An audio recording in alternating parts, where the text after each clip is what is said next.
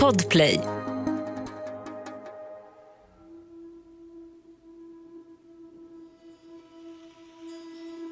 Hur gör man en sax?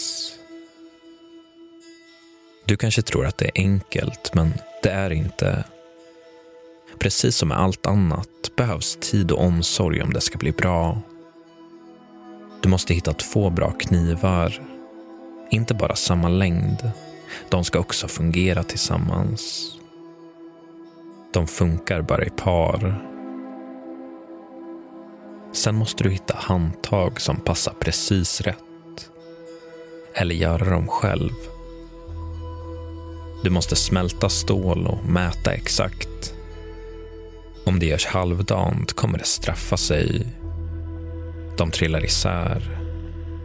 Så ansträng dig. Vad ska du använda din sax till? Om du inte har tänkt på det finns det ingen poäng att ens börja. Jag vet vad jag ska använda min till. Jag har lagt ner mycket tid, mycket omsorg. Nu är den perfekt. Precis som den ska vara.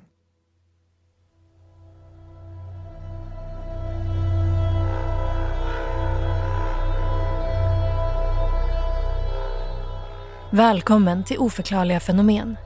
Ett program där jag, Evelina Johanna, Och jag, Mattias Jonsson, tar med dig på berättelser om märkliga och obehagliga händelser, mysterier och fenomen. Fenomen som inte alltid går att förklara. Innan vi drar igång med dagens berättelse vill vi bara tipsa om en grej. Nya avsnitt av Oförklarliga fenomen släpps varje tisdag. Men om du vill höra avsnitten en dag före alla andra ska du gå in på podplay.se eller ladda ner appen. Helt gratis. Snabb fråga. Vad ska du vara på halloween? Det är standard för mina vänner och eh, familj att få den frågan av mig någonstans. Mitten av augusti senast. Jag kan inte hjälpa det, jag har bara alltid älskat halloween. Mest för att jag, ett, gillar allt med teman. Ska du bjuda mig på fest, ha tema. Och två, jag älskar specialeffektsmink. När jag var yngre ville jag jobba som eh, makeupartist på filmer och göra egna prosthetic pieces och sår och grejer. Så självklart har jag alltid varit den som fixar hela kompisgänget på halloween. Därför har jag också gjort väldigt många Glasgow smiles. Det ser ut som det som eh, Jokern har ni vet med uppskurna mungipor. Men förra året när jag skulle göra ett sånt eh, fejksår på en vän till mig så kom hon utklädd i en lång svart peruk istället för Jokern-kostymen. Så jag frågade henne om hon, eh, om hon hade ändrat sig, om jag skulle sminka henne som tjejen i The Ring istället eller något. Men hon sa nej, jag ska vara en varelse i japansk folktro med uppskuren mun från öra till öra.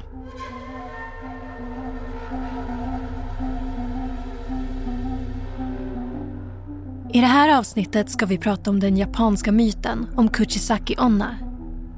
Kvinnan med den uppskurna munnen. Enligt sägnen är hon en vålnad som driver land och rike runt för att hämnas de hemska dåd hon utsatts för i jordelivet.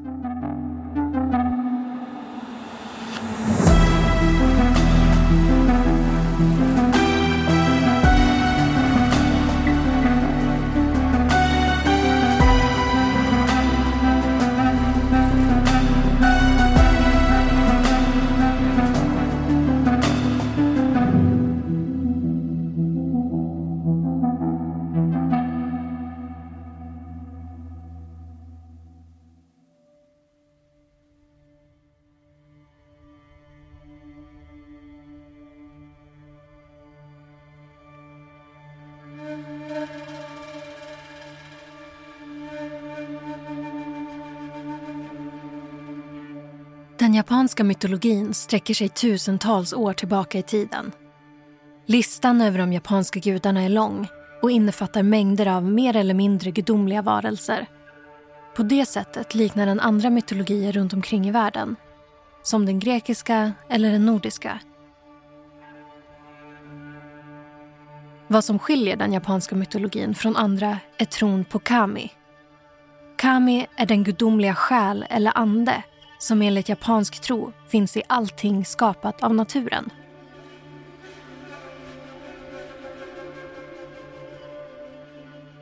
De mytologiska gudarna och tron på naturens besjälning är grunden till den japanska religionen shinto. Shinto-religionen uppstod i Japan under 600-talet och praktiseras än idag av mer än hälften av landets befolkning.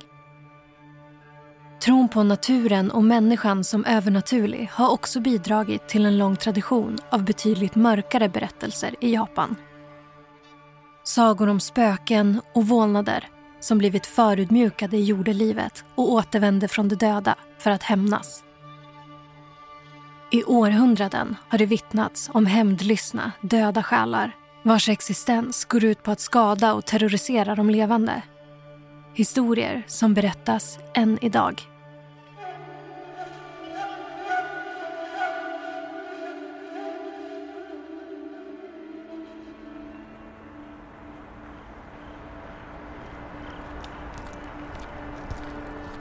Det snabba tempot på Tokyos gator gjorde mig lugn. Jag hade åkt in till stan för att lämna tillbaka ett par byxor jag köpt dagen innan. Och fastän det var kyligt i luften hade jag ingen lust att åka hem igen. Jag gick planlöst omkring på de högljudda gatorna. Det var fortfarande ljust ute, men det hade blivit tillräckligt sent på dagen för att neonskyltarna skulle börja synas. Skyskraporna tornade upp sig som långsmala berg över mitt huvud. Hundratusentals människor skyndade sig förbi på gatorna och av någon anledning kände jag mig avslappnad. Mitt i vimlet kändes mina problem så små. Jag kunde bara vara en i mängden. Idag var den sämsta dagen på hela året Vad är det för sjuk sak att uppmärksamma, tänkte jag för mig själv. Men jag kunde inte få datumet ur huvudet. Exakt tre år hade gått sedan min fru lämnade mig och jag kunde fortfarande spela upp minnet av vårt sista möte, minut för minut. Väskorna som packades, bilen som väntade utanför. Jag visste att jag borde träffa någon ny men jag fattade inte hur det skulle gå till. Eftersom min exfru ägde vårt hus fick hon bo kvar efter separationen. Och eftersom jag inte hade råd att köpa något nytt i samma område utan flyttade till andra sidan stan fick hon vårdnaden om våra barn. De kom och hälsade på mig ibland men när jag skildes från min fru var det som att jag lämnade en del av mig själv det blev allt svårare att umgås med barnen. Jag visste inte hur jag skulle bete mig. Visste inte vad jag skulle säga. De verkade längta bort så fort de kom hem till mig och med tiden började jag dra mig för att ringa. De mådde nog bättre om jag höll mig på avstånd.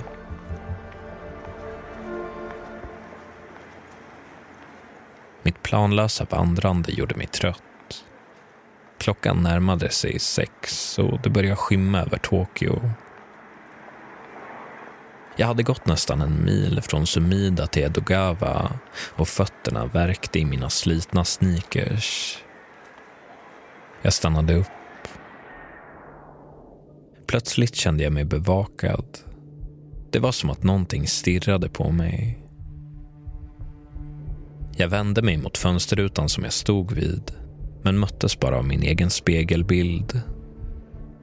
Det var en otäck syn. Vikarna i det svarta håret såg ut att ha blivit dubbelt så stora bara under den senaste timmen. Ögonen var djupt insjunkna i ansiktet och under dem hängande stora mörkgrå påsar. Min mun såg ut att vara vänd upp och ner och visade motsatsen till ett leende. När blev jag så gammal, tänkte jag innan jag blickade ner och blev på lite bättre humör. Det enda positiva i reflektionen var min vita skjorta som stack ut under jackan. Den var ny. Jag hade köpt den med byxorna dagen innan.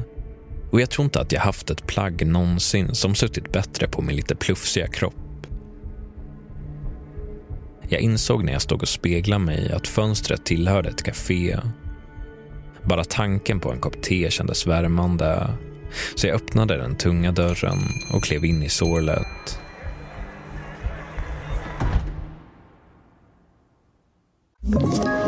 Ett poddtips från Podplay.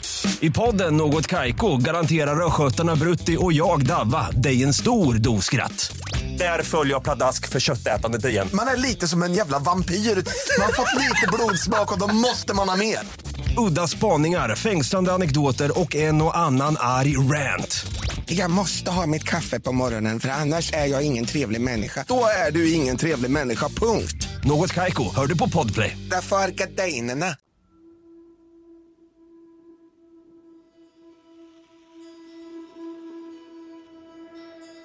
Döden har en stor roll i japansk kultur.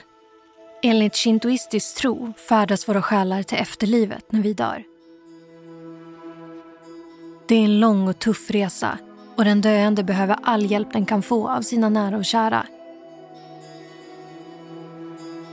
Efter att en person lämnat jordelivet och blivit kremerad inleds ofta en sorgeperiod för den döda personens familj.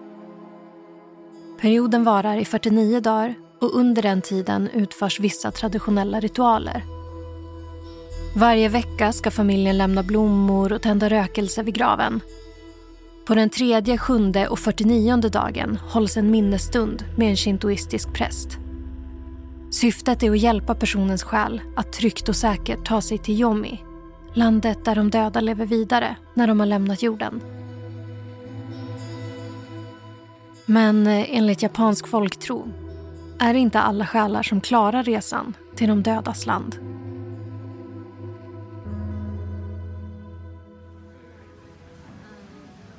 Det lilla kaféet var fullt med folk. Stämningen var avslappnad och på väggarna hängde små röda ljus som gav lokalen ett svagt värmande sken. Cafégästernas skuggor dansade i takt med lågorna. Borden var små och de flesta satt nära varandra och pratade förtroligt med dämpade röster, hopkrupna över sina tekoppar. Vid ett litet bord i ett av hörnen satt en kvinna. Stolen mitt emot hennes var den sista lediga i hela lokalen och min enda chans att få en sittplats. Hon ser vacker ut, hann jag tänka innan nerverna slog till och jag började överväga att gå till ett annat ställe. Lugn nu, fortsatte jag i tankarna. Hon kanske är ensam precis som du. Hon kanske blir glad över lite sällskap.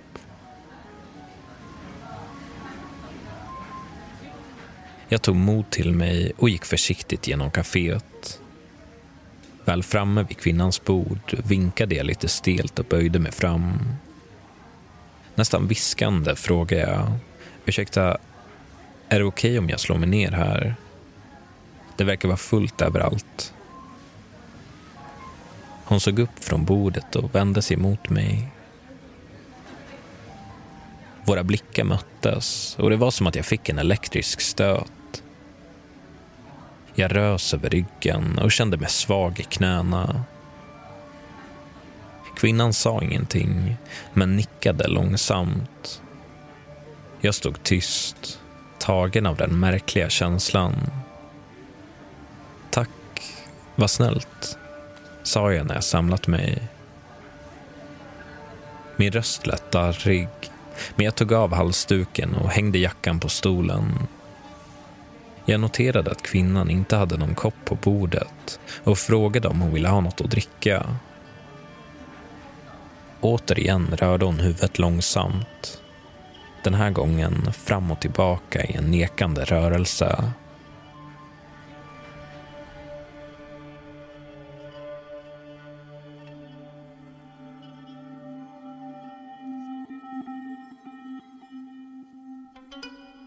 De japanska orden för mörk och själ bildar tillsammans termen yurei. Ett spöke som fastnat mellan den levande och den döda världen.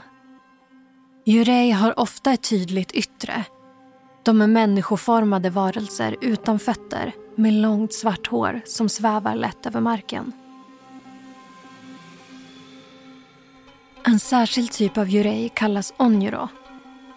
Onjuro är en av de mest fruktade typerna av jurei. Det är vålnader efter människor som dött med så starka känslor av hat eller ilska att deras själar omöjligt kunnat tas emot i eftervärlden. Ofta har kropparna som själarna tillhört utsatts för något hemskt. Det kan vara krig, eh, katastrof, svåra svek eller mord. Kropparna är ofta märkta med sår och ärr. Påminnelser om deras liv på jorden. För de här vålnaderna finns bara en drivande kraft. Hämnd. En onjiro gör inte skillnad på folk och folk. Vem som helst är en rimlig måltavla. De vill se världen brinna och ge tillbaka med samma mörker som en gång dömde deras själar till en plågsam tillvaro mellan liv och död.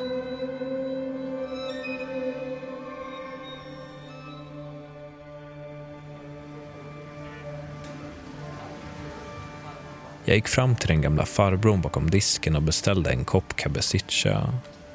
Det var samma te som vi brukade dricka när jag växte upp. Och fortfarande min favorit. Lukten från de mörkgröna bladen i koppen fick mig att tänka på mina föräldrar. De var gamla nu, men fortfarande i livet. Det slog mig att det gått alldeles för lång tid sedan jag hörde av mig. Jag ringer i bitti, innan frukost. Då står mamma säkert och vattnar sina blommor i köket. Hon passar alltid på att göra det innan pappa vaknar. Jag log lite vid tanken och satte mig ner mitt emot kvinnan. Efter bara några sekunder vid bordet drabbades jag av samma underliga känsla i kroppen som innan. Det var något speciellt med henne. Som om hon hade ett magnetiskt fält runt omkring sig. Det är väl så med vackra kvinnor, tänkte jag och blev varm i bröstet. För de var verkligen vacker. Hennes hy var blek som snö, nästan helt vit. Håret var svart och ramade in hennes skarpt ritade ansikte om det inte var för ansiktsmasken över hennes mun och den långa, beigea trenchcoaten på hennes kropp hade jag trott att hon var en elva eller någon annan typ av sagoväsen. Vi satt ganska länge och pratade på kaféet, jag och den främmande kvinnan. Eller, det var mer jag som pratade. Hennes starka dragningskraft och eldfängda blick gjorde mig nervös, så jag lät munnen gå som jag alltid brukade göra. Jag berättade om den lilla byn som jag kommer ifrån, hur körsbärsträden alltid blommade i trädgården utanför vårt hus och hur järnsparvarna sjöng innan häckningsperioden i maj. Jag berättade om mina barn, min fina son som skulle börja gymnasiet nästa år och min lilla dotter som var så road av sin storebror. Babblandet gjorde mig sentimental och jag kände hur tårarna tryckte bakom ögonen. Plötsligt avbröt sig min monolog när kvinnan la sin hand på min. Den var kall som is. Ska vi ta en promenad? Sa hon med dämpad röst bakom ansiktsmasken jag hade inte hunnit fundera över varför hon bar den där masken över munnen. Kanske är hon lite förkyld, tänkte jag. Det skulle förklara varför hennes händer är så kalla. Jag svarade att jag gärna tog en promenad med henne. Eh, vi packade ihop våra saker, lämnade det lilla kaféet och gav oss ut på gatan.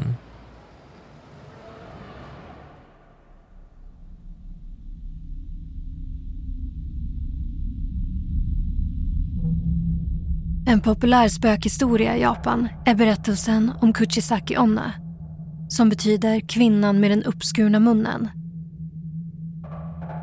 Historien handlar om en kvinna som mördas och sen kommer tillbaka som en onjuro, en hämndlysten vålnad och berättas i olika versioner. Den mest populära handlar om frun till en samuraj i det forntida Japan.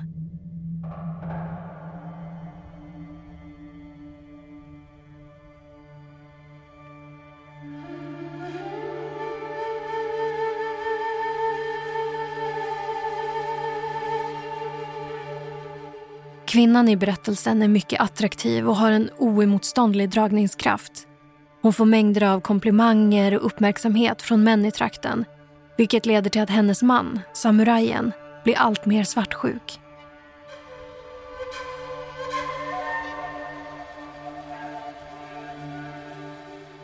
En dag står han inte ut längre och driven av mörka tankar dömer han henne till ett fasansfullt straff. Genom att skära upp hennes mun från öra till öra lämnar han ett gapande sår i hennes ansikte och förstör hennes skönhet för alltid.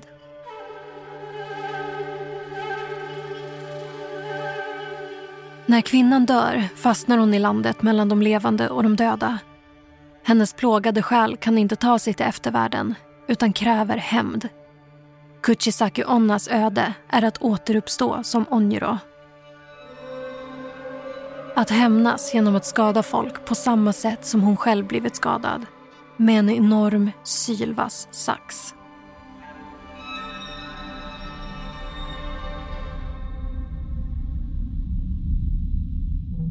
Historien om Kuchisaki Onna har troligtvis berättats i flera hundra år.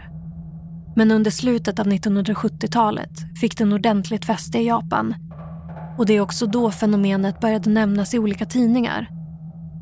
På flera håll i landet vittnade människor om att de sett kvinnan under kvällarna. Hysteri utbröt. Speciella föräldragrupper anordnades för att följa skräckslagna barn hem efter skolan. Man talade om utklädda seriemördare och psykopater för att försöka hitta en syndabock.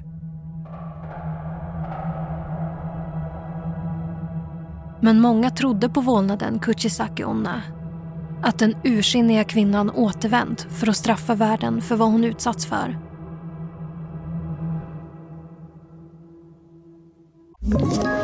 Ett poddtips från Podplay. I podden Något Kaiko garanterar östgötarna Brutti och jag, Davva, dig en stor dos skratt. Där följer jag pladask för köttätandet igen. Man är lite som en jävla vampyr. Man har fått lite blodsmak och då måste man ha mer. Udda spaningar, fängslande anekdoter och en och annan arg rant.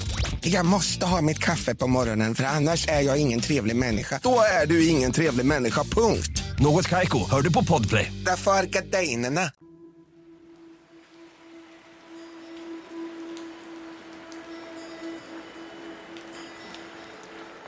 Utomhus hade kvällen sänkt sig över Tokyo som en kompakt kupa av mörker.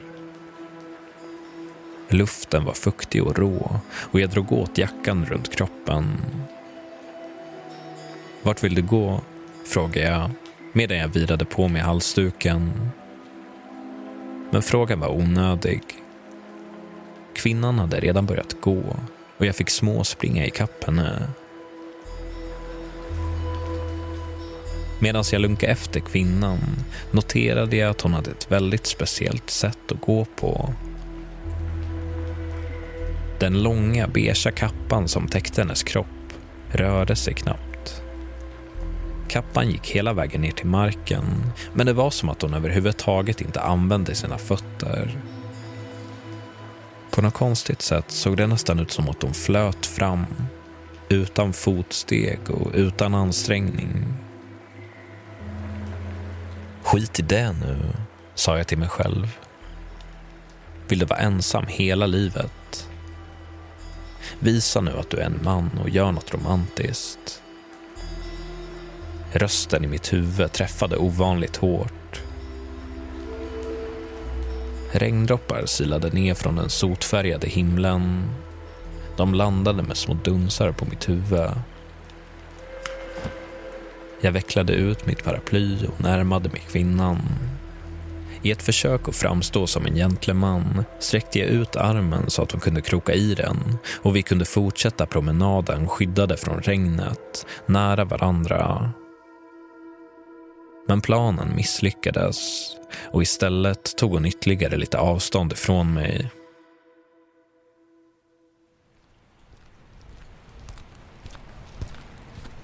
När vi gått en bit stannar kvinnan plötsligt upp. Jag hade knappt lagt märke till vilken väg vi tagit.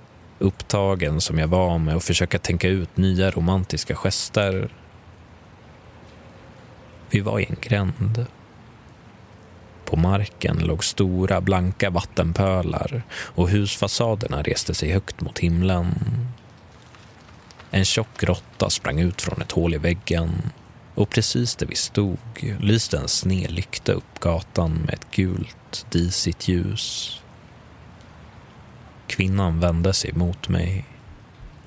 I ljuset från lyktan noterade jag något konstigt med hennes ansiktsmask. Den var blodig. Mörka röda fläckar syntes genom det askgrå tyget och det såg ut som att de var allvarligt skadad. Du blöder, stammade jag. Min puls rusade och ett obehag grep tag om mig.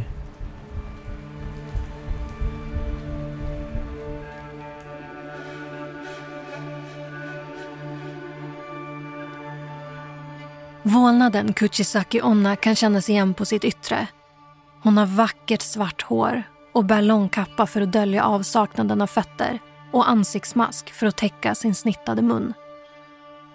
Men det som allra tydligast definierar henne är frågan som hon ställer innan hon angriper sina offer. Tycker du jag är vacker? Jag visste inte vad jag skulle säga. Vad svarar man på något sånt? Jag blev yr och trots kylan och regnet kände jag svetten på handflatorna. Orden hoppade runt i huvudet och jag kände hur munnen formade ett dumt leende. Till sist lyckades jag stamma fram ett tafatt ja. Hennes ögon brann till. I en svepande rörelse lyfte hon handen till munnen och ryckte av den blodiga masken. Och nu, frågade hon igen. Synen av det blottade ansiktet orsakade en våldsam reflex i mitt inre. Innan jag svarade föll jag till knäna och när jag försökte kravla mig bakåt var det som att armarna förlorat sin styrka. Skräckslagen såg jag upp på kvinnan. Från båda mungiporna sträckte sig avlånga hål i köttet och huden upp mot öronen. Slamsorna av det som en gång varit hennes kinder var sträva av torkat blod och ärrbildning. Hon öppnade sitt demonliknande gap och för första gången kände jag genuin skräck. Ja, ja, du är fortfarande vacker, skrek jag instinktivt. Men inget svar var bra nog. Ur fickan på kappan drog hon fram en lång sax och det kändes som min kropp fylldes av bly. Jag satt förstenad på den regnvåta asfalten. I samma stund som hon lyfte saxen möttes våra ögon. Hennes blick var onaturlig, utan färg, utan ögonvita. Bara ett kompakt, avgrundsdjupt hat. Jag kände skräcken dra som en eld genom kroppen. Mitt hjärta bultade så snabbt att det var på väg ut ur kroppen. Min tunga slog knut på sig själv och de livrädda skriken fastnade i halsen. Saxen i kvinnans hand blänkte i gatlyktans gula sken och en droppe blod föll från det vedervärdiga hålet i hennes ansikte. Hon tog ett fast grepp om mitt huvud, tryckte saxen mot min mun och borrade sina hatiska ögon i mig.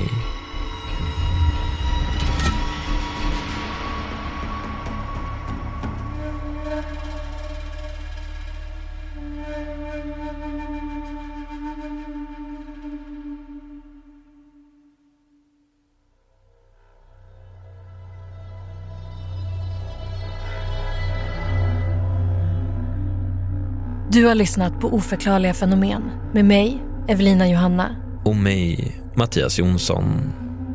Manuset är skrivet av Rickard Baggat. Redaktör Alex Häger. Originalmusik Adam Bejstam. Huvudtema Oscar Wendel. Ljuddesign Daniel Murberg. Exekutiv producent Victoria Rinkos. Oförklarliga fenomen görs av oss på podcastbolaget Cast. För att se bilder på Kuchisaki Onna, Jureis och Onjiros, gå in på vår Instagram. För fler oförklarliga historier om japanska spöken, gå in på vår TikTok.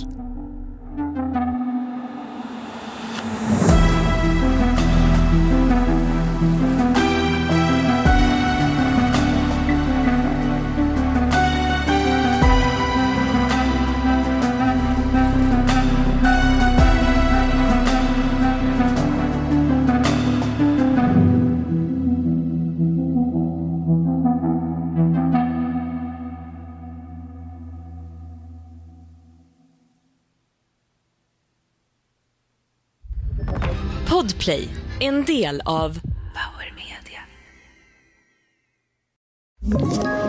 Ett poddtips från Podplay. I podden Något Kaiko garanterar östgötarna Brutti och jag, Davva, dig en stor dos skratt. Där följer jag pladask för köttätandet igen. Man är lite som en jävla vampyr. Man har fått lite blodsmak och då måste man ha mer.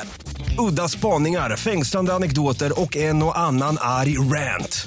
Jag måste ha mitt kaffe på morgonen för annars är jag ingen trevlig människa. Då är du ingen trevlig människa, punkt. Något Kaiko, hör du på Podplay. Därför är gardinerna.